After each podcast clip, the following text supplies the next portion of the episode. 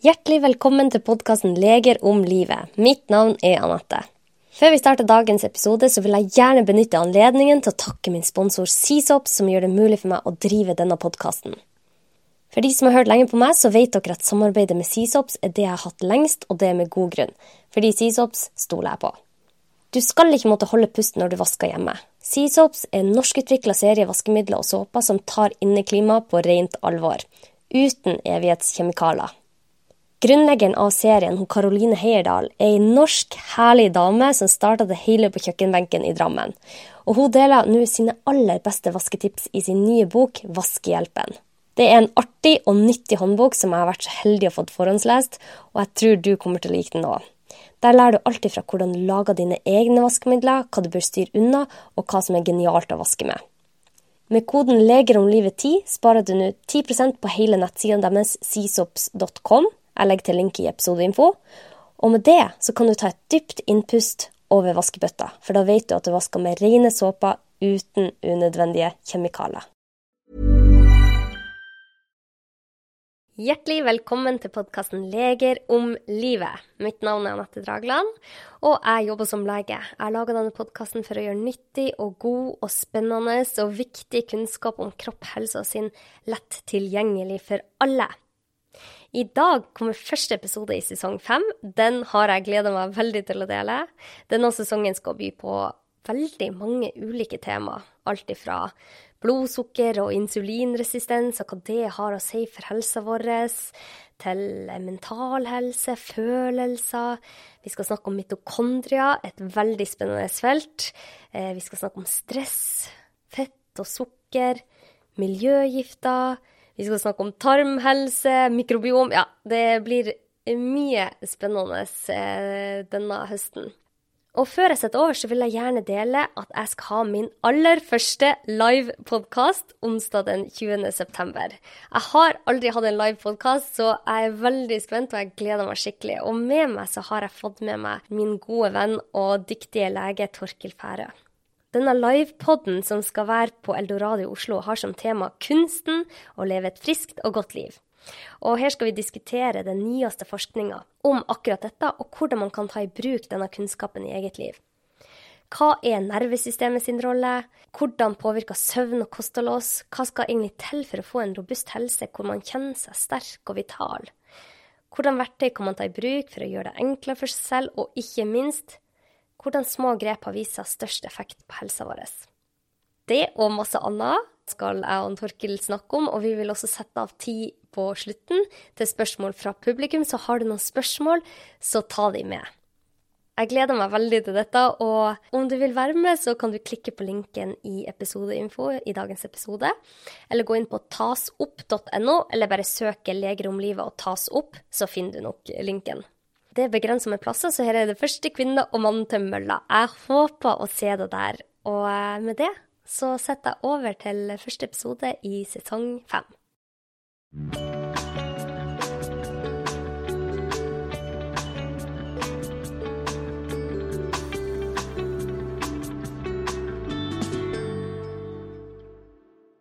Hjertelig velkommen til podkasten Leger om livet. Mitt navn er Anette Dragland, og jeg er utdanna lege. I dag så er jeg så heldig og har ei veldig sprek dame i lag med meg her. Hun er kommuneoverlege i Kåfjord kommune. Anita Monsen Pedersen. Og vi skal gå innom veldig mange temaer innenfor helse, men særlig ett spennende tema som jeg har dykdyppa Er det det man sier? Dykt dyp, dyp, dyp, dyp dykka inne i sommer, ernæring og blodsukker. Jeg har gått med en sånn eh, blodsukkermåler hele sommeren, og det har vært kjempespennende. Juanita hun beskriver seg som en generalist som fastlege. Hun er også spesialist i samfunnsmedisin og jobber som kommuneoverlege. Hun er fastlege, og driver hele legetjenesten i Kåfjord kommune. Hun er i tillegg til dette veileder for studentene og LIS1 og LIS3-legene i kommunen, og beskrives av sine kollegaer som en kvinne med et utrolig engasjement og en usedvanlig drivkraft for å hjelpe sine pasienter til bedre helse. Vi som er interessert i ernæring og kosthold, vet hvor vanskelig det kan være å endre på kostholdet til bare én person i nær omkrets. Men denne kvinnen, med sine kollegaer, da, har klart å påvirke store deler av befolkninga i kommune til å endre på kostholdet. Det er ingen liten bragd. Jeg har gleda meg veldig lenge til å ta denne praten. Jeg har, gleda meg veldig lenge til du skulle komme hit til Fornebu, Anita. Hjertelig velkommen. Tusen takk, Anette. Du har stått opp klokka fem i morges og fløyet helt fra Kåfjord. Eh, Tromsø. Ja, fra Tromsø. Flyet gikk fra Tromsø. Ja, det, hvor lang tid tar det å kjøre fra Kåfjord til Tromsø? To timer. Ja, det er såpass, ja. Og nå sitter du her, og det er fremdeles tidlig på morgenen. Så eh, det her har jo gått rad i. Gjelder å være effektiv. Ja. Du, du er jo fastlege, og du har et brennende engasjement for ernæring og forebyggende helse. Stemmer det. Og det du har gjort i kommunen din, er jo bare helt utrolig. Du har fått med deg så masse folk til å gjøre grep. Og eh, jeg skjønte at veldig mange merka stor forskjell på egen helse, som har gjort at de igjen får med seg venner og familie. Og det har jo skjedd en liten sånn eh, en liten revolusjon i en Grønnsaksrevolusjon. Ja. grønnsaksrevolusjon i en liten kommune. Og jeg bare tenker for noen ringvirkninger det kan ha. Ja, kjempespennende. Men hva er det som har gjort at du er blitt så interessert i akkurat dette? Det, samfunnsmedisin har alltid stått meg nærmest. Altså, det er forskjell på samfunnsmedisin og allmennmedisin. Allmennmedisin er på en måte eh, det individet sin fastlege. ikke sant? Det er jo det folk forbinder med, med å være fastlege. Samfunnsmedisin, sa veilederen min så fint, da er du på en måte befolkninga si fastlege. Du tenker mer på gruppenivå, populasjonsbasert, som det kan hete på fagspråk. Og det har alltid engasjert meg, at man kan på en måte en, altså gjøre en endring i en hel befolkning. Se hva utfordringen er, og så gjøre noe for en hel befolkning. I tillegg til på en måte å være fastlege på individnivå. Men samfunn, samfunnsmedisin er jeg mer engasjert i enn en enn allmennmedisin. Det, det brenner meg mer. Eh, Ja, og det, det ser vi jo. Det ser vi jo. Du har jo fått til utrolige endringer. Særlig du og en kollega som heter Len Aronsen. Len. Ja. Len, eh, han har jeg møtt. Utrolig fin fyr. Og eh, dere har drevet og hatt en sånn høyst uoffisiell eh, forskningsstudie på dere selv, da. Med hvordan blodsukker påvirker dere, og ja, hvordan eh, hele dette samspillet er, da.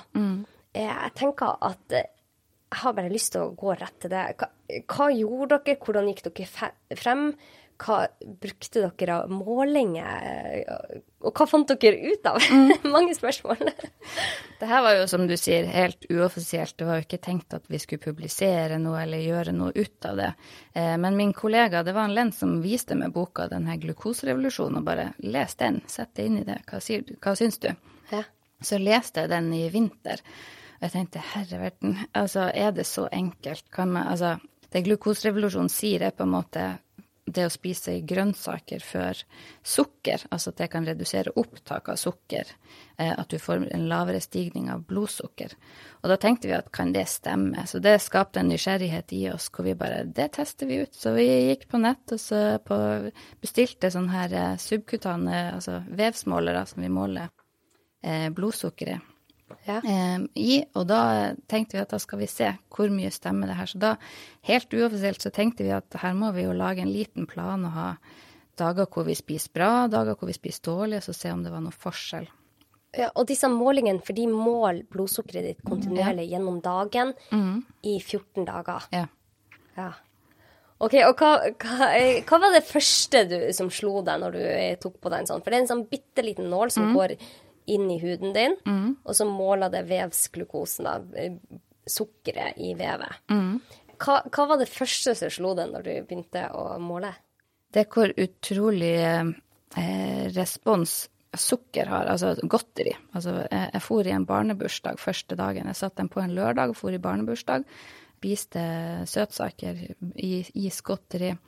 Og så ser man jo en forventa høy stigning av blodsukkeret, men det jeg ikke forventa, var at den falt kjempelavt etterpå. Altså, du fikk en kjempespiss topp, og så var det en vanvittig fall etterpå, for den steg igjen. Eh, og det overraska meg egentlig ganske mye. Eh, for jeg tenkte det var jeg ikke forventa, det må være noe feil med måleren eller noe, men så har det liksom gjentatt seg.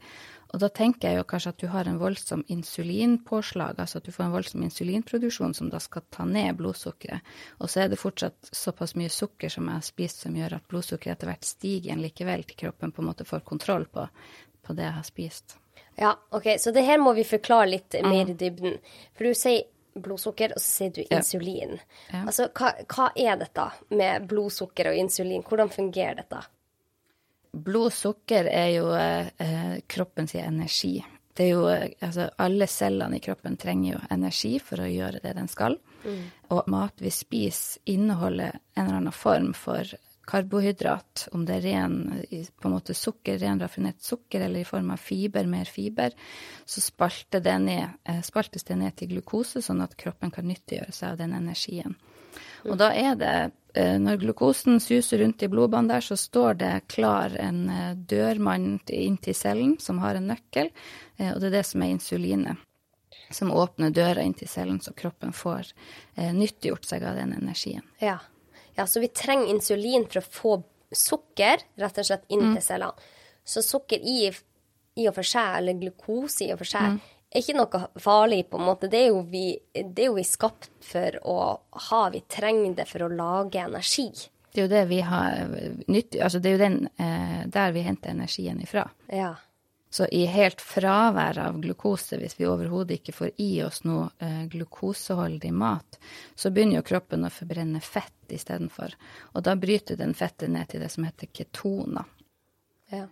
Og det er en annen prosess, men, da, men, eh, men kroppen har annen energikilde, men det er en annen, eh, annen prosess. Men det er jo glukose vi primært eh, drives av. Det er hovedkilden vår Hovedkilden, ja. til energi, rett og slett. Ok, og da kommer insulin inn, åpner eh, altså døra til sukkeret som går inn i cellene, og dette er bra for oss. Men så har vi hørt veldig mye snakk om, og jeg tenker vi bare skal forklare det begrepet insulinresistens, for det er blitt veldig vanlig. Hva, hva er insulinresistens? Det er jo sånn når du spiser et måltid, om det er på en måte eh, sunn mat eller om det er ren godteri, uansett, kroppen håndterer jo det, de næringsstoffene det som eh, maten, det du spiser, det inneholder. Det skal jo kroppen håndtere.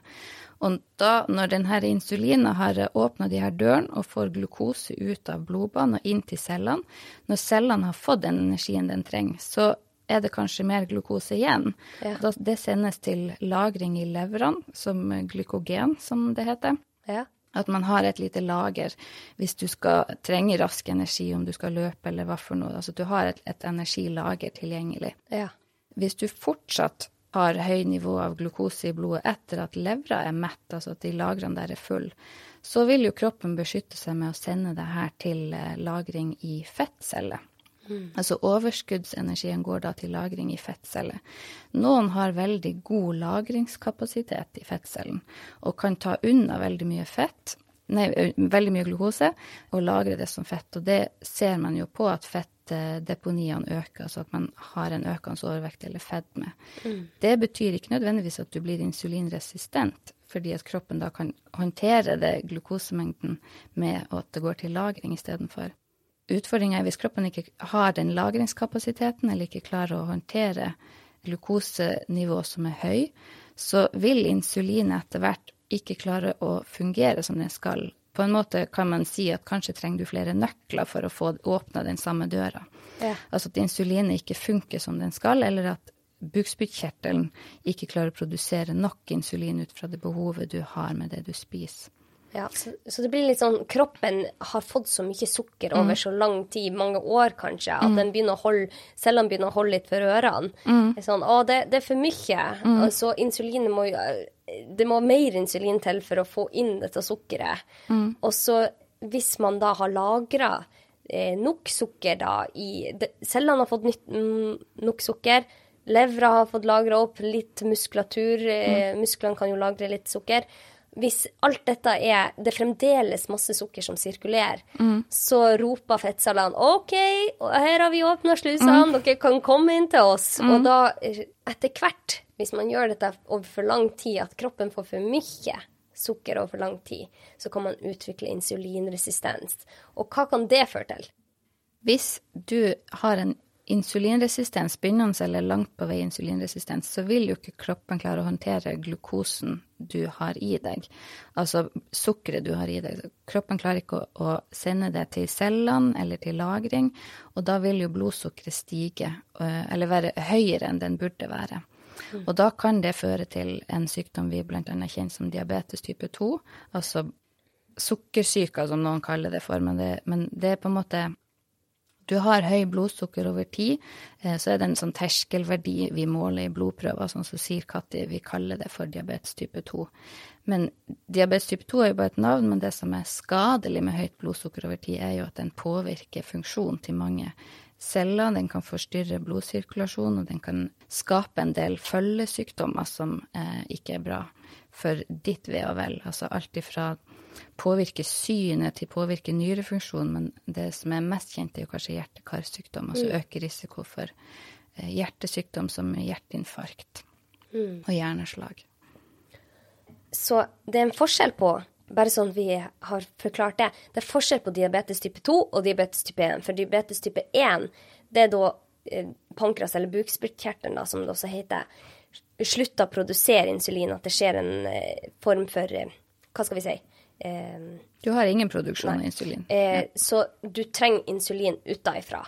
Mens diabetes type 2 er det Trenger du ikke nødvendigvis å ha for lite produksjon av insulin, men at cellene har blitt for lite Altså, de blir ikke helt følsomme for det insulinet. Mm. Du trenger for å si det sånn, Istedenfor én mann med nøkkel som står og åpner døra, så trenger du kanskje å være fem-seks menn eller, som står og, og, åpner den samme døra.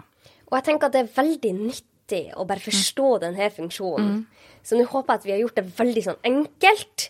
Men vi ser jo sukker, så ser vi glukose. Mm. Eh, kan du forklare meg, Anita, hva er forskjell på vanlig sukker, det hvite sukkeret vi mm. spiser, og glukose? Det er jo eh, Sukker kan det Altså, sukker er jo på en måte på folkemunne, men det er jo en karbohydrat. Og vi har mange ulike karbohydrater. Og det er alltid fra ren sukker, eh, som er ren det hvite, raffinerte sukkeret som er helt fri for næringsstoffer. Du har også sukkerarter som finnes i frukt eh, og bær, blant annet. Og så har du stivelse som litt lengre sukkerkjeder som du finner i, i korn, eh, altså som havre, hvete. Du finner det i pasta. Altså, det er uansett altså bakevarer, men også grønnsaker, mm. belgfrukter. Og så har du kostfiber, som du også har, som du ser eh, i grønnsaker og er det sånn at når det kommer ned i tarmen, så blir alt eh, Når du går gjennom magesekken og kommer ned i tarmen, så vil jo de her eh, enzymene som da skal fordøye maten vi spiser, spalte det ned i bitte, bitte små deler som vi klarer å ta opp i blodbanen. Mm. Og da vil alt av karbohydrater spaltes ned til det som da heter glukose. Så det er liksom den minste komponenten i karbohydrat. Så hvitt sukker spaltes ned blir glukose, og, eh, men også på en måte fra, fra brødet du spiser mm. til stivelsene du får i deg, så spaltes det også ned til glukose, for det er det kroppen klarer å ta opp.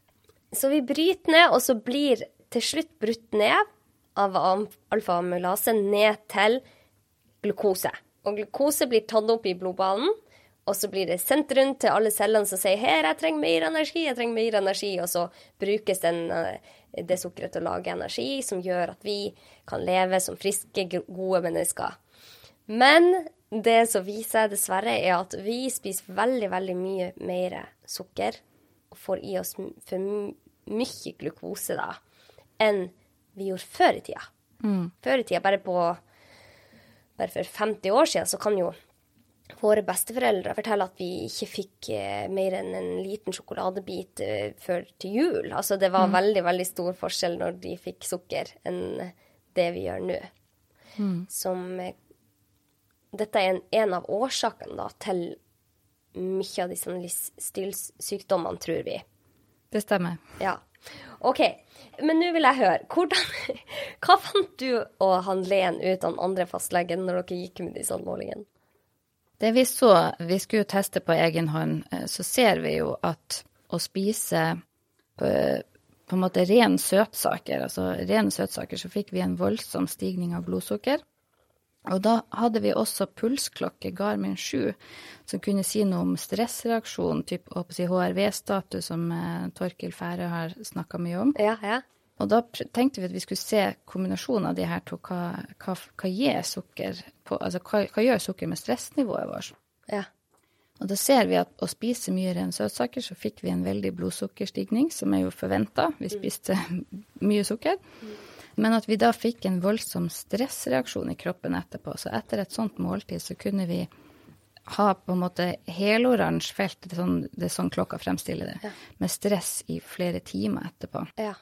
Og det tenker jeg stress er jo altså mål, Et måltid, uansett hva du spiser, så er jo det en stressreaksjon for kroppen i den forstand at kroppen skal jo fordøye det. Det er jo en aktivitet som foregår. Men til sammenligning, hvis man spiste mye fine grønnsaker, mye fiber, så var det overhodet ikke samme stressrespons i kroppen etterpå. Du fikk mye flatere blodsukkerkurve, du fikk mye mindre stigning og på en måte mye flatere over lengre tid, mm. og mye mindre stressreaksjon i kroppen. Ja, for, Så kroppen reagerer med å få høyere puls, rett og mm. slett. Mm. For her er det veldig mye energi som må håndteres. Mm. Og kroppen går på en måte mer i stress av de sånn høye nivåene av glukose enn hvis den får mer langsomme karbohydrater mm. og fiber. Mm. Det syns jeg er veldig spennende, det dere fant ut der. Mm. Men hvordan, eh, hvordan, fant dere ut av dette med fiber? Altså hvordan spiller fiber inn en rolle i dette med glukoseopptak? Fiber har, skaper jo en sånn osmotisk effekt, altså at den tiltrekker seg væske. Det blir mer sånn eh, geléaktig masse i magesekken som forsinker tømning av innholdet fra magesekken ut i tarmen. Oi. Det fiberen også gjør, er jo at hastigheten gjennom tarmen også blir saktere. Altså det går saktere gjennom tynntarmen. Sånn at opptaket skjer over mye lengre tid. Så på en måte når man spiser et måltid som inneholder mye fiber, så får du en mye langsommere prosess gjennom magen som gjør at kroppen klarer å håndtere det maten som kommer over litt lengre tid, men også det sukkeret du spiser. Så er det mye mer håndterbart for kroppen når det fordeles utover litt tid, enn når du spiser veldig mye sukkerinnhold uten særlig mye fiber, hvor, du, hvor, det går veldig fort gjennom magen, tas veldig fort opp, og du får en voldsom stigning. Ja. Og så skal den jo normaliseres igjen, sånn at man får et fall i blodsukkeret. Ja, og det er forskjellen i dag fra før. Mm. I, I, denne ultraprosesserte maten f.eks. Mm. så er det veldig mye glukose eller sukker mm. i forskjellige Vi kaller det alltid fra dekstrose, mm. vanlig sukker ja, Det er så mange navn på det, disse, men det er sukker, rett og slett. Mm. Som da ikke i tillegg har fiber med seg, men, mm. men gjennom evolusjon så har jo vi fått i oss sukker også i sammen med fibre. Sammen med fiber, ja. I grønnsaker, i frukt. Mm. Det har vært fiber i det. Kle på karbohydratene, som Marit Kolby sa. Ja. ja. og det, jeg, jeg, jeg, føler sånn at det på en måte er så fornuftig tilnærming til maten. Jeg reagerer på kostholdsråd annet som sier at juice er et glass om dagen. Jeg så den nye rapporten som eh, kom i juni eh, med sånn internasjonale kosthold, og da var fortsatt juice på en måte tenkt som en feed-supplement som er en av, si, en av fem om dagen. Men, men Åh, mens juice Jeg er mye mer sånn spis eple. Jeg spiser et eple istedenfor mm. å drikke eplejus. Eplejus har tatt så mye næringsstoffer bort, og du får i primært ser du egentlig bare en, en Så er det en sukkerdrikk du drikker. Mm. Istedenfor å spise et eple, så får du i deg de næringsstoffene jusen sier at den har. Ja. og så kan du drikke vann som tørstedrikk. Ja, for at når man drikker da, la oss si et glass mm. eplejus mm. Jeg har jo òg gått med en glukosemåler nå i mm. snart eh, jeg, har prøvd å få hele syklusen med. Jeg har mm. sett at det er forskjell på hvor mye sukker jeg tåler i starten mm. av syklusen mot slutten. Og, det, vi må jo snakke mer om det, er kjempespennende. Men i hvert fall, jeg, jeg, jeg har en glukosemåler på meg nå, og jeg ser at hvis jeg drikker eh, juice så er det som om man nesten drikker rent sukker. For at de mm. har jo blitt, jusen er jo blitt strippa for fibre. Ja. Og det som er igjen, er glukosen. Og da, hvis jeg drikker det, så får jeg jo insulinet tenker oi, shit, her kommer det et herremåltid. Mm. Her kommer det så mye sukker. Det må jo være enorme mengder mat hun skal spise. Mm. Pumper ut insulin. Får en kjempehøy topp. kjempebrak. Altså den toppen bare går rett ned. Og så får jeg en, så, et sånt fall i blodsukker som var under det det var i starten. Og mm, vi er jo litt ulike der hvor sensitive vi er på det der. Men i hvert fall jeg, når jeg kjenner at jeg får et blodsukkerfall på det der viset, så føler jeg meg uvel. Jeg føler meg litt sånn skjelven. Eh, jeg, jeg føler meg virkelig ikke bra. Og det har vært så spennende å se det i, i sammenheng med den glukosemåleren. Og at oi, ja, nå ser, jeg ser jeg grunnen til hvorfor jeg føler meg så uvel akkurat nå. Og da tenker jeg det vi har anbefalt i så mange år, at vi skal spise lite og ofte. Eh, gjerne en sånn kjent som inneholder vanvittig mye glukose eller sukker. Da. Eh, hvor mange sånne topper og fall man må ha gjennom dagen hvis man spiser sånn, og hvor uvel man må føle seg gjennom dagen. Og hvor stor forskjell det er å gå bare til sånn som vi sannsynligvis spiste før. Vi spiste masse, men litt sjeldnere. Så vil man ikke få den der samme responsen som er veldig ja, det er ubehagelig for kroppen. Det er i hvert fall ubehagelig for meg. Jeg vet ikke hvordan det er for deg, men Helt enig. Det er akkurat samme. Jeg går aldri tilbake til måten jeg spiste på før. ja. Så hva eh, Dere fant ut at det er en del endringer som eh, kan gjøres, så man ikke får de der eh, høye toppene og det kjempeharde krasjet, liksom. Og dere har laga et skriv til eh, de som bor i kommunen, og det har vært masse engasjement. Hva, hvordan råd har dere gitt etter to, eh, to måneder med testing? Konkret råd var spis betydelig mer grønnsaker til alle måltider, og så spis du grønnsakene først i alle måltider. Det var det konkrete rådet vi Så kom med. en, veldig enkelt. Jo, jeg har jo vært fastlege i syv år. Og jeg har jo hatt brennende engasjement for folkehelse og på en måte forebyggende arbeid i alle de her årene. Eh, selv om jeg har jobba som fastlege ved siden av. Og da ser jeg jo på fastlegekontoret at alle vet jo hva de skal gjøre. Alle vet jo hva de burde ha gjort og burde gjøre. Men de vet ikke hvordan de skal få det til. Det er så masse råd og meninger ute i media fra, altså, i, overalt blir du bombardert med hva du bør gjøre for helsa di, og det her er jo også et, et bombardement, men, men jeg tenkte da um, at man må kunne formidle et enkelt budskap, ikke alle punktvise lister, for da faller folk ut etter tredje punkt at det her får de ikke. Hvis det er så mye som skal til for at man skal måte, få det bedre, så hvor skal de begynne? De faller fra. Ja. Og da tenker jeg at man klarer å formidle det i ett enkelt råd. Samtidig med at vi holdt på med det her, så skrev vi jo en rapport om helsetilstanden i Kåfjord. Og så ser jeg jo at sammenligna med fylke og landsgjennomsnitt, så hadde vi en del røde tall på livsstilssykdommer og mental eh, helse. Ja. Og da ser jeg jo på en måte sammenhengen i de her tingene, og så tenker jeg at jeg må jo klare å formidle noen ting. Hvis folk klarer å spise mer grønnsaker, for det er et enkelt råd å bare øke inntak av grønnsaker, så har jeg en agenda da om at det er flere ting som følger med. At hvis noen klarer å øke sitt inntak av fiber av grønnsaker, så føler de kanskje på mindre symptom, ubehag, som et annet kosthold ville gitt dem, som kanskje gjør at de eh, blir motivert til Kanskje får de mer energi, mindre trøtt når de er ferdig på jobb. Ja. Blodsukkeret hopper opp og ned, opp og ned fem-seks ganger den dagen. Så har de kanskje plutselig overskudd Ja. til å gå seg en tur, at de kjenner på at de vil ut og røre seg litt. Og så baller det på seg at de kjenner at den turen var bra, og kanskje på en måte sakte, men sikkert får du til en endring. Ja, for at det du sier er at sant, i stedet for å ha et blodsukker som går opp og ned, opp og ned, og du ser jo med HRV-en din, hjertevariabiliteten, at det er stress for kroppen, da bruker jo kroppen unødvendig med energi på å få kroppen tilbake i balanse. Og hvis man da, du sier bare ved det enkle rådet med å kle på karbohydratene, at du spiser grønnsaker. Mer grønnsaker enn du tror før et måltid, også gjerne i selve hovedmåltidet, så vil du få en mye lavere blodsukkertopp. Mye flatere kurve gjennom hele dagen. gjennom hele dagen.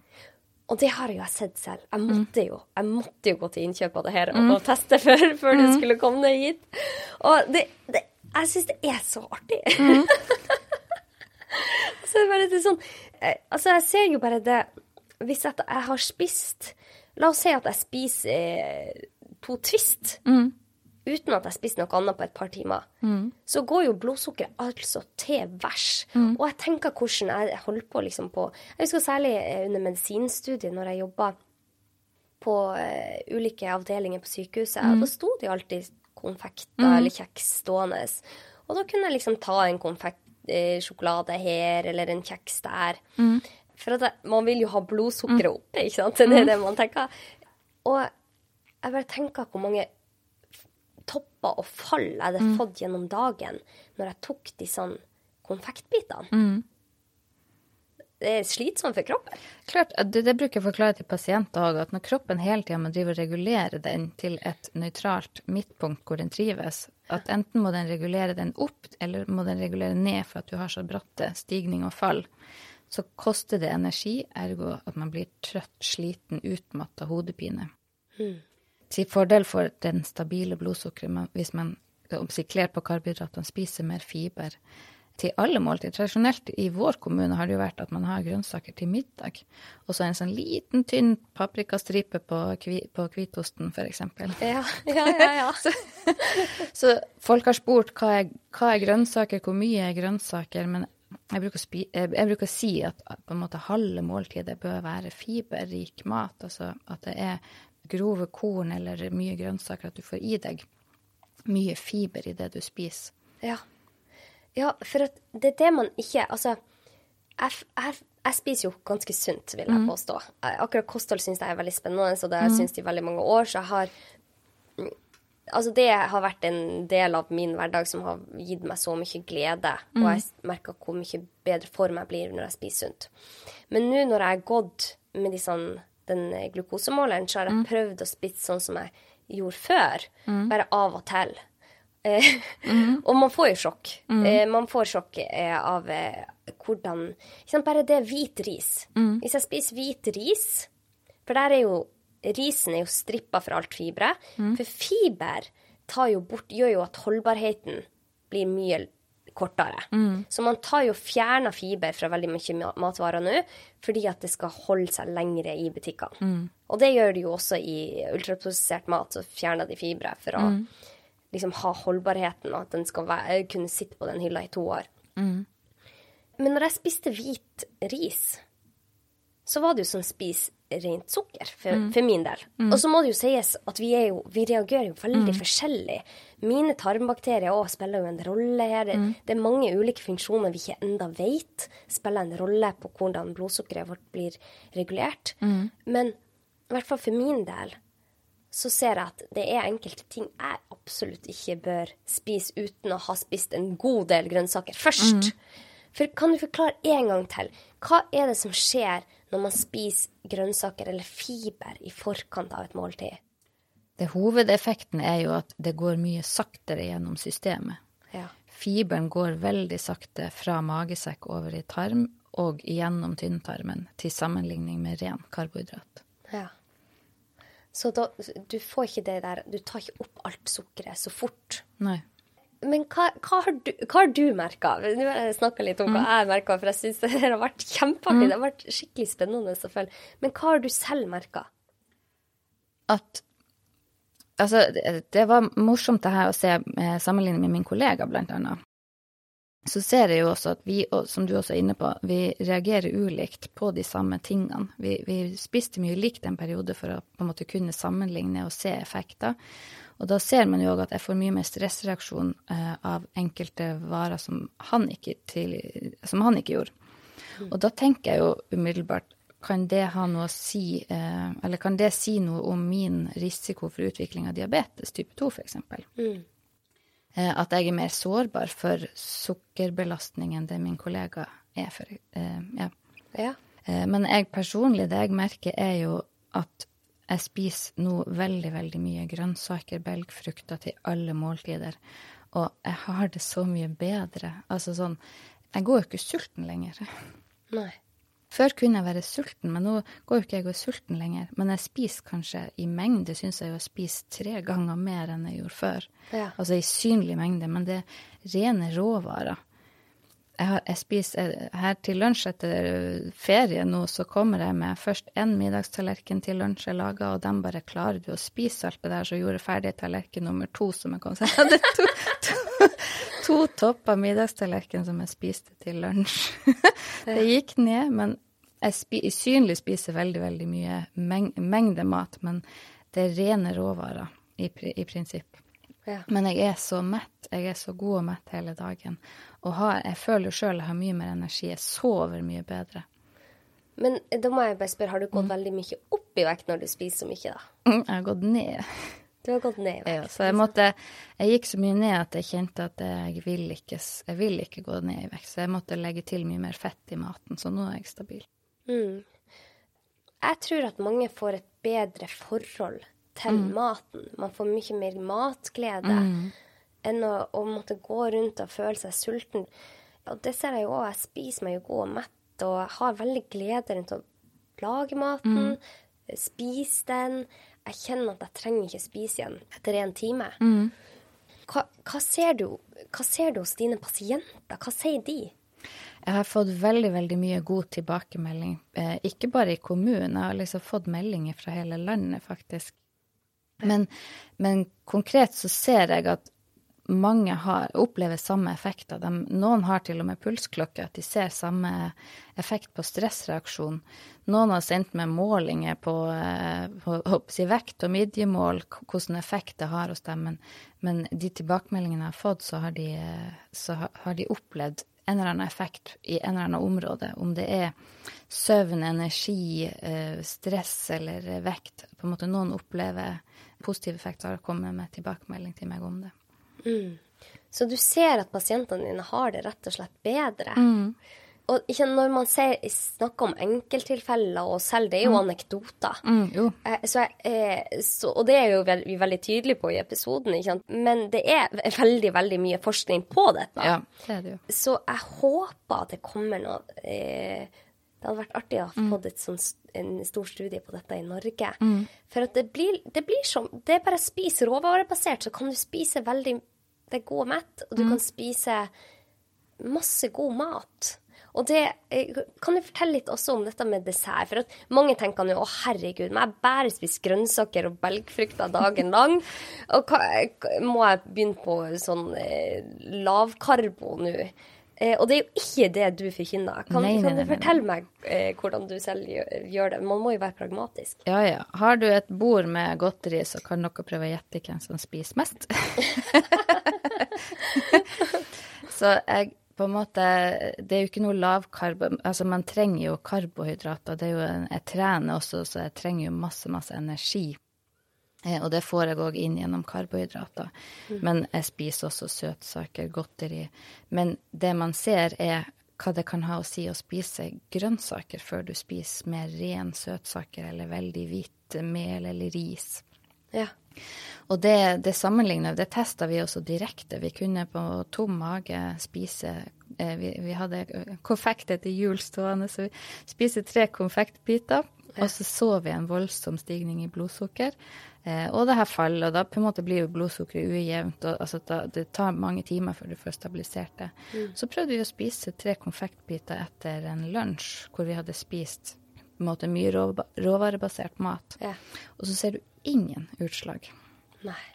Men vi prøvde også. Vi, på fredagene kan vi ha masse is og søtsaker til lunsjen, og det har vi også spist etter lunsj. Da fikk vi òg en stigning.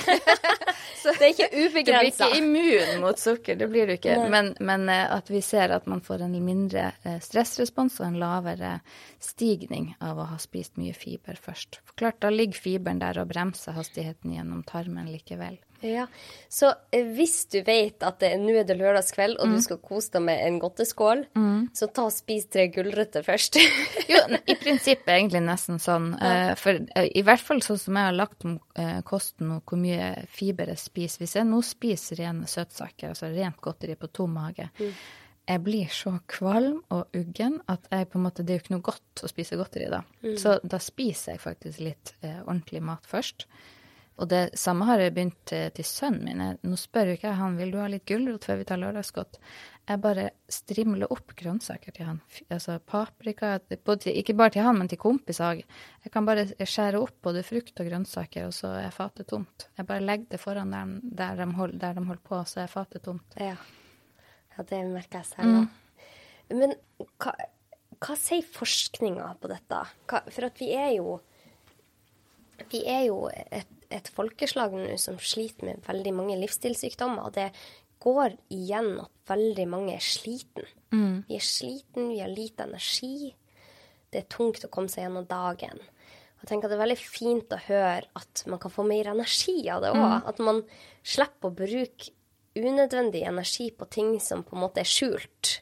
Eh, som du bare Du kan slippe unna ved å bare spise annerledes. Jeg kunne nevne, nevnt en sak. Vi var jo på kongress i London i lag i sommer. Ja. Eh, og Ja. der hadde vi jo en dag om eh, mental helse og en dag om ernæring kosthold. Men den eh, var det mental helse vi hadde han Christopher Palmer.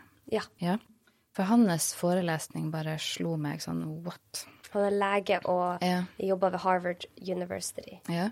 Og han hadde et innlegg om eh, mental lidelse, om det kunne være under, eh, underbyg, altså om det kunne være metabolsk betinget, altså at man har eh, at det er på en måte de her livsstilssykdommene som var grunnlag for eh, mentale sykdommer, angst, depresjon, psykose til og med, psykoselidelser.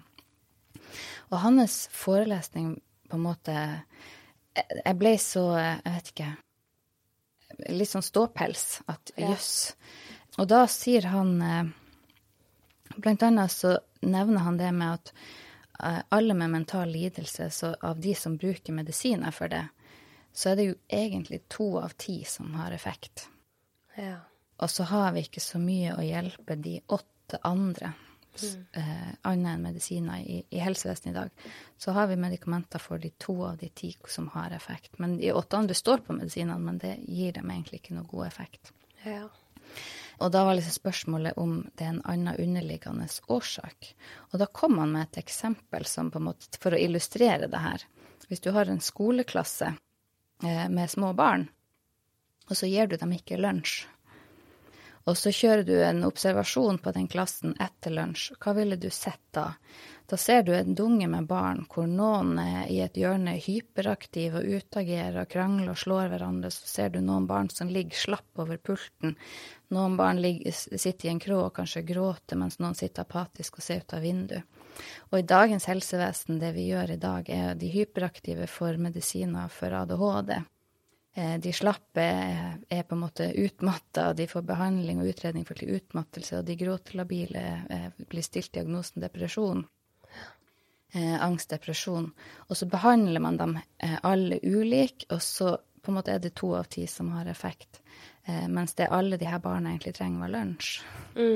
Altså at man på en måte, Nå sier ikke jeg at eh, lunsj er liksom svaret for all mental sykdom, men poenget er på en måte hvordan vi tenker i helsevesenet i dag i forhold til eh, i forhold til eh, altså de her livsstilssykdommene eh, og ment, altså mental sykdom, spørsmålet er om det også kan være en livsstilssykdom. Det bare utarter seg på forskjellige måter. Ja, nettopp.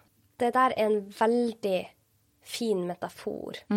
Fordi vi er ulike, og vi reagerer ulikt på mat. Vi reagerer ulikt på hvordan livsstil vi har. Eh, og vi, har, vi er robust på forskjellig vis også. Eh, og noen tåler det, noen tåler det bedre, og noen tåler ikke det. Og, og det er det jeg syns er så fint da med disse nye måtene å tenke på, at man tilpasser det til hver enkelt. Og det han Christopher Palmer sier som er så utrolig viktig, er at vi er jo bygd opp av celler. Sant? Og hvis våre celler er robuste og gode, så vil det være mye større sannsynlighet for at vi er robuste og sunne mennesker. Vi er jo bygd opp av bitte små celler som trenger å ha det bra. Og det du snakker om med blodsukker, hvis man går rundt og har for høyt blodsukker og har masse blodsukkerfall, så vil jo ikke cellene våre ha det bra. Og det speiler seg jo forskjellig hos oss. Kanskje noen får hjerte-kar-lidelse, mens noen får magetrøbbel eller noen får mentale lidelser. Vi vet ikke, det er masse ubesvarte spørsmål. Men vi er nødt til å snakke om dette, for det er kjempeviktig. Og da er det jo ikke et farlig råd å gå ut og si at råvarer er bra. Og det betyr ikke at man aldri skal kose seg med usunn mat, men å få en balanse i hverdagen. Som jeg også nevnte i stad, jeg spiser jo også godteri, jeg spiser jo usunt, men det er en balanse i ting. Når hovedandelen av eh, mitt kosthold og det kostholdet jeg gir min sønn, er råvarebasert, så tåler, eh, tåler man de utskillelsene man velger å ha. Ja, og det så eh, Jeg blir så glad for at du sier det. Mm. For at hvis vi stresser med å skal spise helt perfekt også, så Det er det jo ingen som gjør. Nei, det er ingen Nei. som gjør det. Og hvis man gjør det, så går det utover noen andre faktorer som er veldig viktige i livet ditt. F.eks. relasjoner eller stress eller søvner eller Altså, det går på bekostning av noe når man skal gjøre alt perfekt. Eh, Men for meg så har det vært Det har vært en stor øyeåpner å gå med en glukosemåler. Nå ser ikke jeg at folk trenger å gjøre det, for det trenger man ikke. Ja, det er derfor vi har gjort det for noen. Ja, vi har gjort det for noen. Sant? Vi ser at spiser man veldig sukkerholdig mat eller ultraprosessert mat på tom mage, så slår det ut i store blodsukkersvingninger. Det kan hende at det vil slå helt annerledes ut hos eh, naboen eller eh, samboer. Men vi vet i hvert fall at for mye glukose over for kort tid er ikke bra for oss. Eh, for så vidt ikke for, over for lang tid heller, men, men det er, dette er noe som er kjempespennende felt nå. Bare å regulere blodsukkeret sitt bedre. Og jeg husker veldig godt jeg hadde en pasient inne hos meg som gikk med et blodsukker som var det var ikke, Han hadde ikke prediabetes eller diabetes, men for meg så Jeg sa til han For han sa ja, men disse tallene viser jo at jeg ikke har diabetes, Så han var kjempefornøyd. Og så sa jeg ja, men Jeg skal ikke si navnet, men du, hvis, hvis du hadde vært min pappa, så hadde jeg ikke villet at du skulle hatt dette. For du, du er i faresonen. Og da husker jeg at han fikk litt sånn litt sånn eh, vondt i magen, tror jeg. For han så på meg, så sa han OK, hvis ikke du ville at din far vil skulle hatt dette blodsukkeret, så skal jammen meg ikke jeg heller ha det. Og han endra totalt på kostholdet, og hjalp han med det. Men det er bare sånne små ting som skulle til, i hvert fall for hans del. Han starta dagen med lyst surdeigsbrød. For han tenkte jo surdeig var var bra, men det var jo bare rent mel. Ikke sant? Det var ikke noe fiber i disse brødene. Eh, som, og så hadde han veldig masse småmåltid. Det, det skal så lite til for å endre på kostholdet sitt, sånn at det blir bedre for deg, uten at man trenger å være veldig, veldig opptatt av det, og bruke veldig mye energi på å spise perfekt.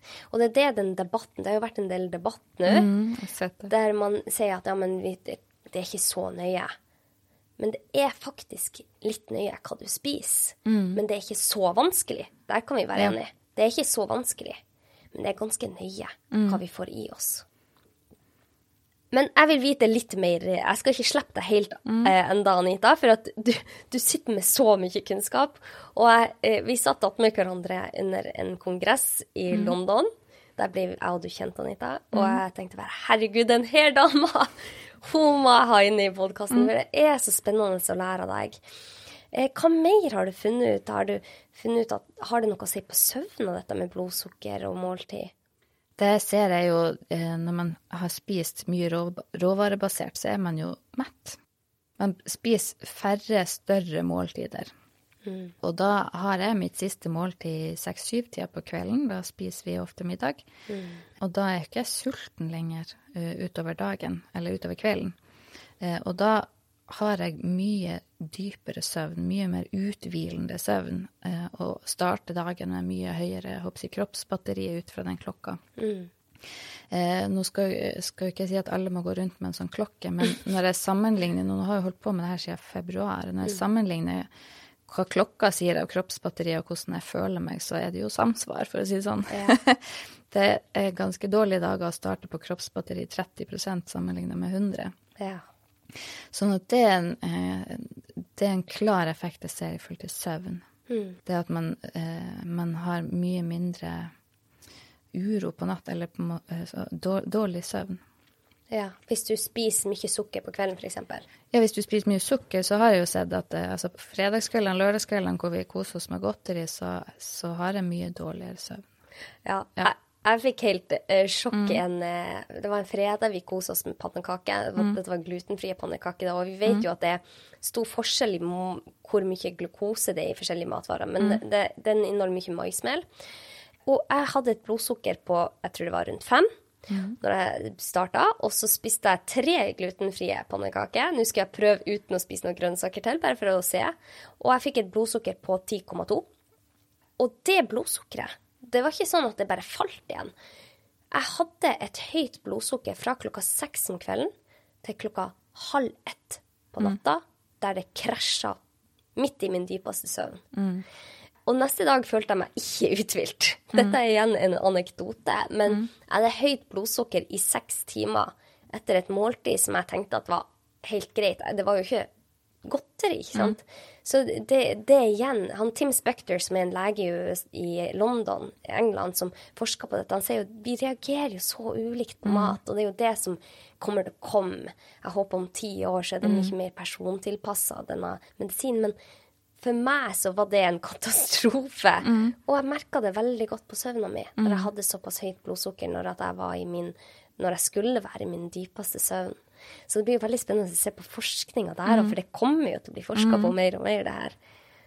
Hva du tror I forhold til forsk forskning? Ja. Definitivt. Her i verden, bare for noen år siden visste man jo ikke hva tarmflora var. Ja. Ikke sant? Og plutselig begynner man å lure på om det kan være eh, forklaring på veldig mange av de her livsstilssykdommene, at ting kan stamme fra tarmen. Ja. Og da ser man jo, det er jo flere og flere bedre og bedre studier som støtter opp om de funnene som eh, sies om livs... Altså om uh, ultraprosessert mat, f.eks. Mm. Ja. ja, det blir spennende å se fremover. Men uh, nå har jeg lyst til å gi uh, våre lyttere konkrete råd. Mm. Sånn konkrete råd i hverdagen, sånn at vi har mer stabilt blodsukker. Hva er det du har lyst til å fortelle Norges befolkning? Spis grønnsaker. ja! Å, det er så kjedelig! å, spis grønnsaker. Mm. Men det er jo vanskelig. Det, altså, det, er jo vanskelig å få i barna grønnsaker. Eh, Egentlig ikke. De er jo nysgjerrige av natur. Så det er jo hvilke preferanser man velger å gi barna. Ok, Og hva gjør man da? Hva, hva er trikset? Ha, for det første ha grønnsaker i hus. Ha ferskvarer i hus, sånn at det er lett å uh, lage til. Det er mange som sier at sunn mat tar lengre tid, det er så vanskelig å få til. Jeg har tatt tida. Det tar meg 14 minutter å choppe opp grønnsaker og rotgrønnsaker eh, og kylling og ha i en panne som er hiver i litt krem fresh og litt eh, soyasaus og sursøt chilisaus. Så har du sånn kongeherremåltid av mat. Oi, det hørtes godt ut. Jeg tok tida. 14 minutter. Oi. Eh, det er kortere tid enn å vente på at ovnen skal varmes opp og en pizza skal stekes ferdig. Hmm. Men klart, det krever jo at jeg da står de 14 minuttene med kjøkkenbenken. Men det er en tid jeg, jeg prioriterer å bruke. 14, 14 minutter mm. var ikke lenge. Nei. Jeg husker når jeg bodde i USA, så eh, eh, Jeg bodde hos en vertsfamilie når jeg var 16 år. Mm.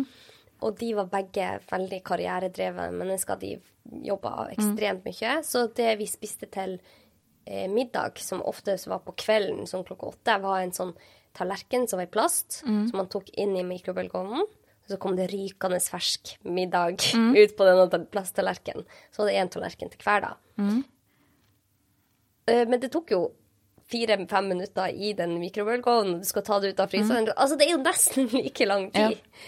Og jeg bare skulle ønske at jeg hadde en glukosemåler på mm. meg det året jeg bodde i USA, for der jeg kan telle på én-to hender hvor mange ferske grønnsaker mm. jeg spiste i løpet av det året der. Men altså bare ha det tilgjengelig, ha grønnsaker inne i hus. For jeg, jeg, fikk, jeg, har fått mange spørsmål fra folk. Hva er grønnsaker? Er det så mye grønnsaker? Hvor finner jeg grønnsaker? Ja, ja. og det er sånn, ok, det er det første du som regel kommer inn i på en butikk, så har du liksom en grønnsaksferskvaredisk. Mm. Og Tradisjonelt i vår kommune er det ofte gulrot og potet til middag, at det er det folk forbinder med grønnsaker. Mm. Men at man kan, altså det finnes jo et vidt spekter av grønnsaker og frukt tilgjengelig i norske butikker i dag. Vi trenger jo ikke å dyrke det sjøl. Mm. Så bare miks, ha det i hus. Miks og triks, ha det i maten. Altså om du strimler det eller lager det som staver eller Altså skave det og steke det. Nå har vi jo airfryer òg tilgjengelig, hvor du på en måte superfort kan eh, lage crispy, sprø mat. Det jo Det har jeg aldri prøvd. Har du prøvd det? Ja, jeg måtte kjøpe det. Er det godt? Ja, er, ja virkelig. Altså, det er helt fantastisk. Jeg har ikke, brukt, eh, så, jeg har ikke hatt så mye fisk eh, og kjøtt oppi airfryeren. Jeg har prøvd det òg, men det er lettest å bare hive grønnsaker og kål, grønnkål, brokkoli, blom, blomkål. Alt det der bare hiv, bland oppi ditt, og så sprøsteker du det. Da får du den crispy, gode følelsen. Det er fantastisk godt. Spennende. Mm. Ok, Så det er bare å rett og slett prøve seg fram, mm. og prøve å spise grønnsaker du ikke vanligvis spiser. Ja, kjøp, ha det, inn, ha det i hus. Så får du i deg eh, fiber. Og så det jeg også oppdager, er jo eh, eh når man legger til fett. Mm. Altså at å spise Mange forbinder jo fett med at nei, det skal man jo ikke ha. Ja. Eh, jeg kan diskutere litt det. Det er forskjell på type fett, men også all, Vi trenger jo fett. Man skal ikke være sånn redd for å spise fett at det overhodet ikke skal være fett. Noen kan ha, Nå snakker ikke jeg om de som har fått råd fra sin lege, hva for noe, men nå tenker jeg på generelt i befolkninga at, at, fett gjør det jo mett. Hvordan fettkilder er det du anbefaler? Jeg spiser masse avokado, nøtter, cottage cheese. Eh, ja, jeg drikker heller helmelk og lettmelk enn ekstra lettmelk, som jeg gjorde før. Mm. At du får på en måte fett igjennom kosten, mm. uten at jeg nødvendigvis spiser på en måte fettet i pinnekjøtt og på ribbesvoren bestandig. Ja, ja. altså det er forskjell. Jeg har mye smør i maten. Det er jo smak. Ja. Det er jo fantastisk godt. Fettet får jo fram smaken, og du blir mett istedenfor en, en enkel salat med kylling og bitte litt salt på. Det er jo mye mer smaksrik å bare ha i masse god fett. Mm. Mm. Olivenolje. Ja, ja, ja. Så man kan spise eh, sunne fettkilder. Mm. Og nå er det jo kostholdsråd som sier at man skal prøve å unngå metta fett. og det er litt vanskelig, det der, den mm. debatten der. Men vi, vi, som er friske og sunne, kan jo spise en del fett uten at det er skadelig for oss, i hvert fall, mm. kan vi si. Ja. OK, så spennende. Men uh, hadde du et tips om eplesider? Uh, det leste jeg jo i den boka, da, 'Glukoserevolusjonen', at om man tar et en skje med eplesider og blande ut i et glass vann eller noen ting. Som eplesidereddik? Eh, eplesidereddik, mener jeg. Ja. Eh, blande ut i vann, så kunne det også eh, redusere opptak av glukose i tarmen, sånn at du også får mindre blodsukkerstigning ut av det. Prøvde du det? Det har jeg aldri prøvd. ja, det har ikke jeg giddet å prøve heller. Men, men det, er, det, er, mange studier mm. som viser at det har effekt. Jo, jeg måtte lese litt på hvorfor har det en effekt. Og det gjør noen ting med absorpsjon av sukker. Oh, ja. Altså det skal hemme Det gjør noen ting, men jeg er ikke detaljkunnskapsoppdatert der. Ja. Eh, greit å vite. Mm. Er det noe mer du tenker at det er sånne små tips og triks som er nyttig? Bruker alltid å lage strimler av grønnsaker på et fat, frukt og grønnsaker på et fat til barna, uten at de har spurt eller spør om de skal ha. Jeg bare lager til et lite fat med litt forskjellig. Mm. Legger legg det ned foran guttene, og så er fatet tomt. Ja. De, og det kan jeg bevisst også gjøre hvis vi f.eks. skal spise litt mer usunne middager. Så har de fått i seg litt eh, grønnsaker først. I forkant, ja. Mm. Og så fikk jeg en tips fra en venninne. Det her var for mange år siden allerede hadde ingenting sammenheng med det her, men det er jo absolutt relevant. Og det er jo eh, hvis man ønsker å redusere eh, belastninga av lørdagsgodtet, f.eks., så kan man eh, ha lørdagsgodtet på et fat, og så kan man ha grønnsaker, eh, altså skjære opp gulrøtter, paprika eller ha frukt rundt det her godteriet, sånn at man må spise seg inn til godteriet. Da, da har du allerede fått plutselig masse fiber Oi, og masse sunn mat før du kommer frem til, til det rent usunne. For et godt tips! Mm. Det skal jeg prøve med guttene. Mm. Liksom Ha dandert det rundt i en mm. sirkel rundt og si ja, dere må spise dere inn til godteriet. Mm. Ah, for et godt tips! Tusen takk. Et annet tips òg i forhold til eh, snacks jeg bruker å lage. Det var en, også en venninne som tipsa meg om bare mose cottage cheese, og så har jeg med sånn sjokolademosspulver som jeg blander i, og så gir vi i fryseren. Så har jeg sånn is. Sjokolademosspulver, hva er det noe? Aner ikke hva du egentlig bruker det til. Du finner det i sånn kakehylle på butikken. Å? Så bare moser du cottage cheese, og det er jo egentlig på en måte Hvis du er fysen på noe søtt godt, så tar det en halvtime i fryseren, og så har du en skål med det du oppfatter som is, som egentlig er litt mat med litt sjokoladepulver på. Oi, dette var spennende! Og det er skjedd, men sant, vi er forskjellige, så det kan hende at ikke det, det er bra for alle. Men det, særlig nå før eh, mensen, så må jeg ha sjokolade. Og jeg har vært så Jeg har tenkt ofte at når jeg spiser sjokolade, så er det ikke så bra for meg. Men når jeg spiser nøtter og mørk sjokolade, altså at det er mer enn 70% kakao i den sjokoladen, det er nesten ikke noe blodsukkerstigning. Så nå kan jeg bare nyte med god samvittighet. Og det må jo være for at det er jo så mye fett i kakao, og så er det jo fett i valnøtter. Som gjør at jeg ikke får de der. Anne. Så det blir ikke som å spise en konfektbit i det hele tatt.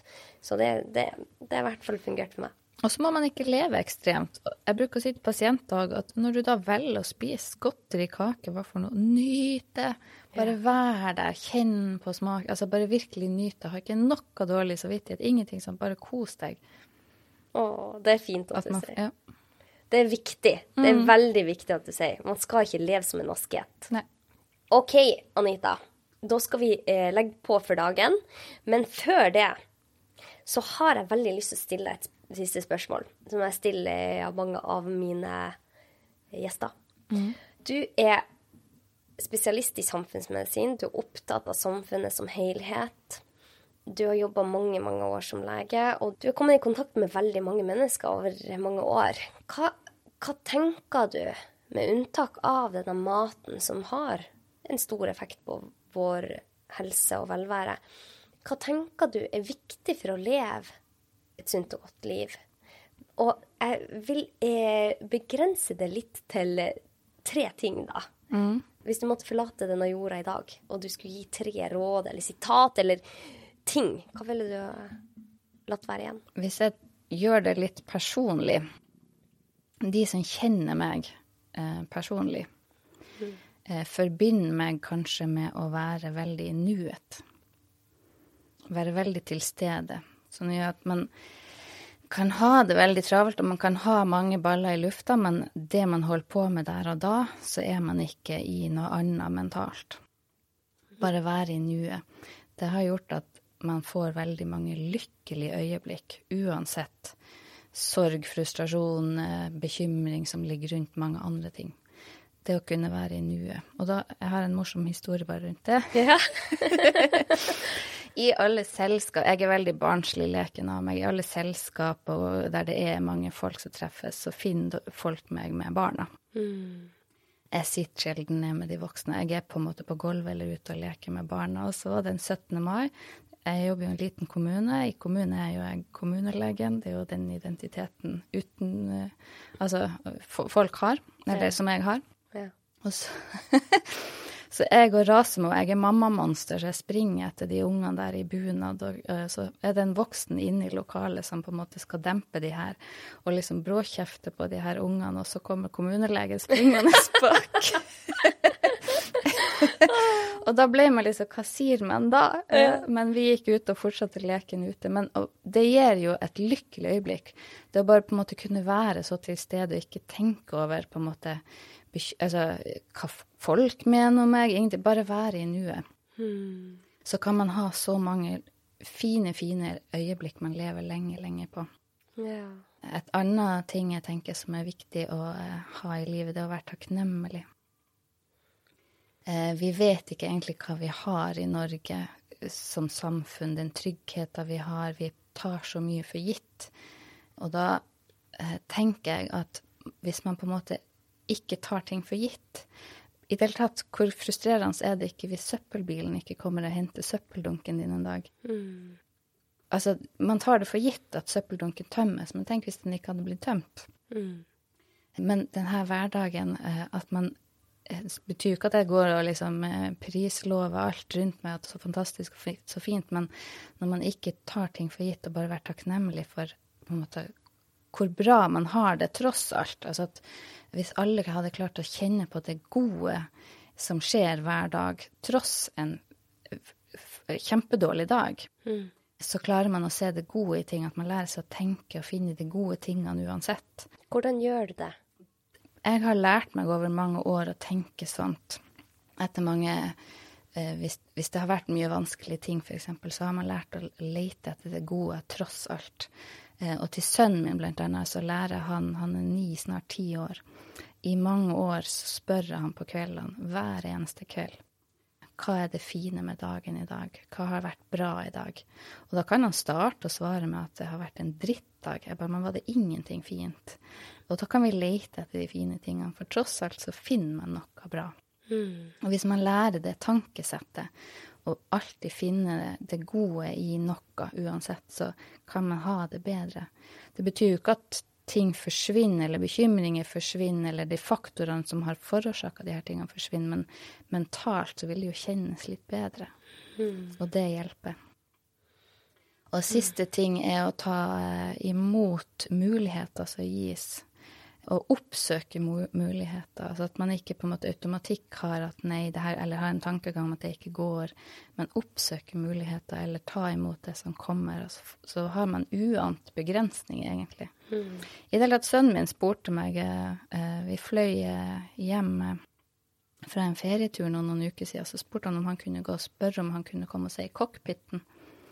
Eh, for husk, mamma, det du har sagt, er at eh, det eneste man ikke skal spørre om, er hvorfor eh, kjæresten er sur. at det er det eneste man ikke skal spørre om. Ellers så forspør man seg aldri. Så han spurte om han kunne få gå og se, om han kunne spørre om han kunne gå og se cockpiten. Så sier jeg selvfølgelig, gå og spør. Og så tenkte jeg at OK, det verste som skjer, er at han ikke får. Ja. Og så fikk han jo komme inn i cockpiten. Altså, det å oppsøke muligheter Plutselig sitter en niåring her. Jeg får bilde av en niåring med SAS-caps. Han er tredjepilot på SAS-flyet, og det største smilet ever av en gutt som på en måte har uh, oppsøkt en mulighet. Han har tatt muligheten. Altså, det er sånne øyeblikk uh, Hvis man på en måte ikke ser begrensning i ting, så, så uh, ja.